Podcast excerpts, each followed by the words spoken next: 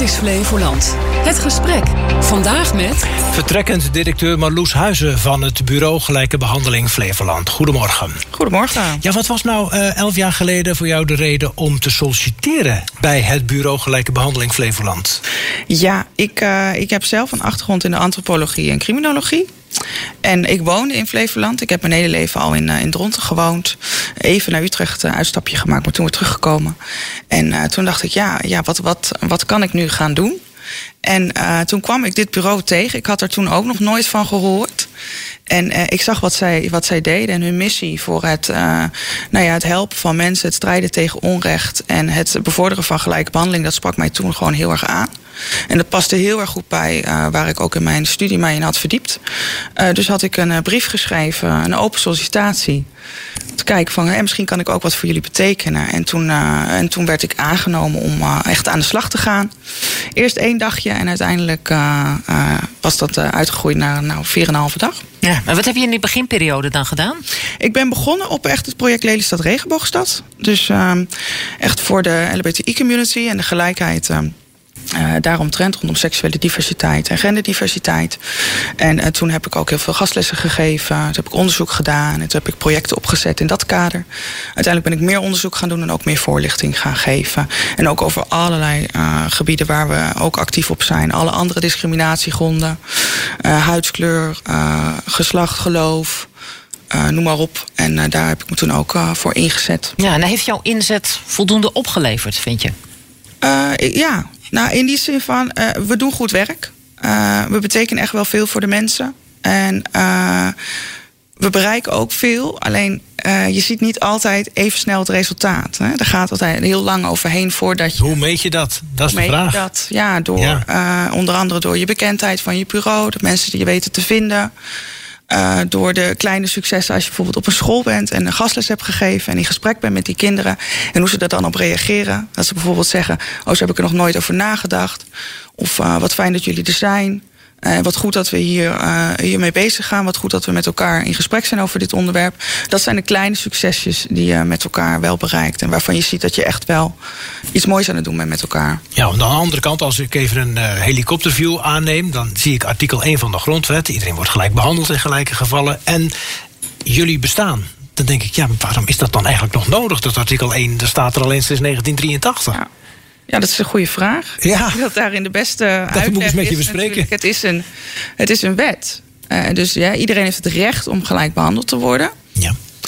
Um, en het mooie in Nederland hier is dat we ook een systeem hebben waarin als dat niet gebeurt, want er zijn altijd mensen zijn die uh, het moeilijk vinden om daarmee om te gaan, uh, dat je dan ergens terecht kan om dat bespreekbaar te maken, om daar hulp bij te krijgen. En dat is het, grote voordeel van hier en van alle antidiscriminatievoorzieningen die zich daar druk mee maken. Je kan ergens naartoe als het je wel overkomt. En, en ja.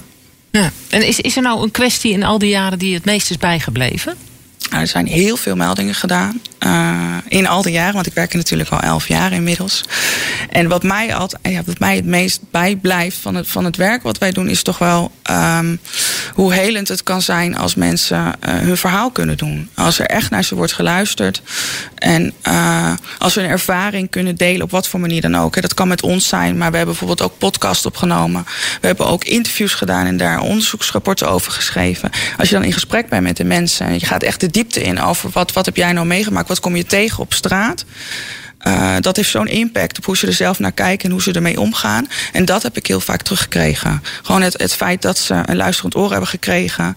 Uh, en dat ze echt de ruimte hebben gehad om daarover te praten. Ja. Dus ook die impact voor, voor de persoon zelf. Voor de melder zelf of degene die het overkomt, die kan heel groot zijn alleen maar door je verhaal te kunnen delen. Maar, maar daarmee is de grote boze buitenwereld niet minder grote boze buitenwereld.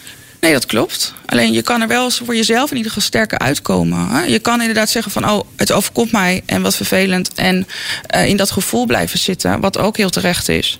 Alleen, uh, je kan ook dat stapje zetten van, ik ga er wel wat tegen doen. Ik laat het hier niet meer bij zitten. En die mensen zijn we ook tegengekomen. Die hebben dan heel, heel vaak uh, dingen meegemaakt. En zijn dan vaak kleine dingetjes. Maar als je het allemaal bij elkaar optelt, is het gewoon heel vermoeiend en vervelend. En, en kan het ook echt ja, je emoties heel erg beïnvloeden. De manier waarop je de wereld beleeft.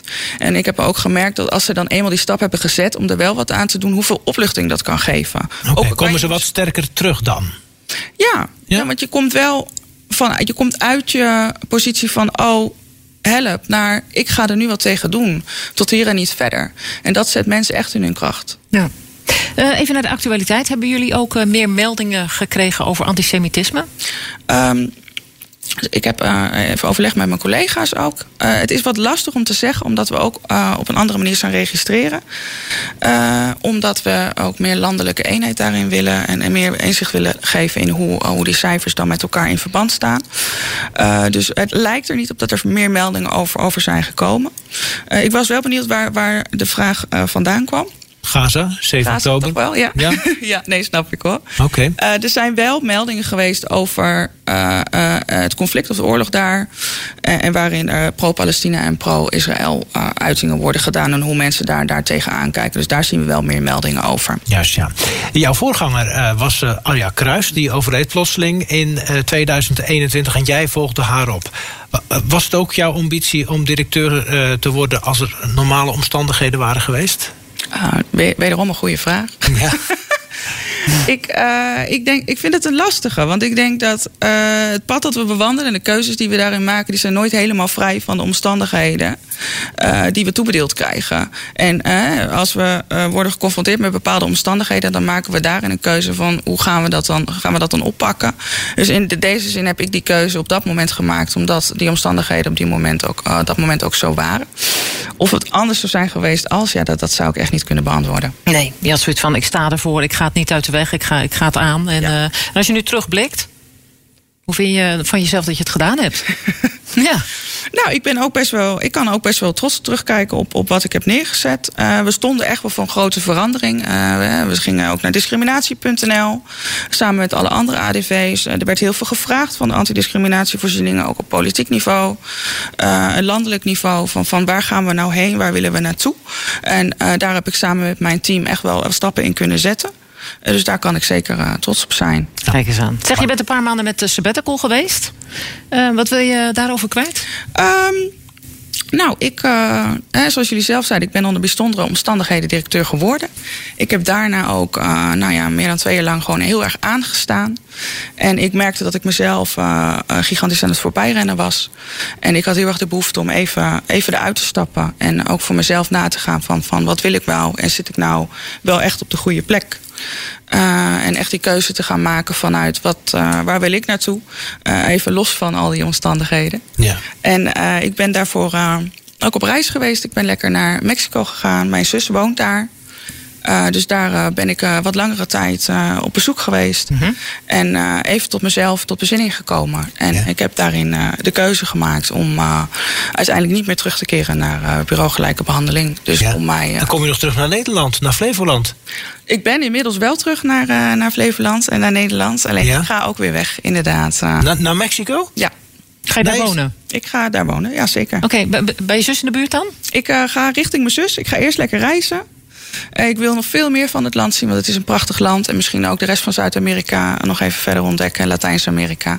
En dan hoop ik me daar wel te kunnen gaan settelen, inderdaad. Nou, wat een mooi avontuur. Hebben ze daar ook iets van een uh, bureau gelijke behandeling? Of? Ze hebben daar ook wetten die zeggen dat er niet gelijk behandeld mag worden. En er zijn ook stichtingen bezig om dat uh, uh, te bekrachtigen. En waar mensen hulp kunnen zoeken. Dus wie weet dat ik nou, ooit nog eens ja. daarin terugkom. Veel geluk daar in het verre Mexico.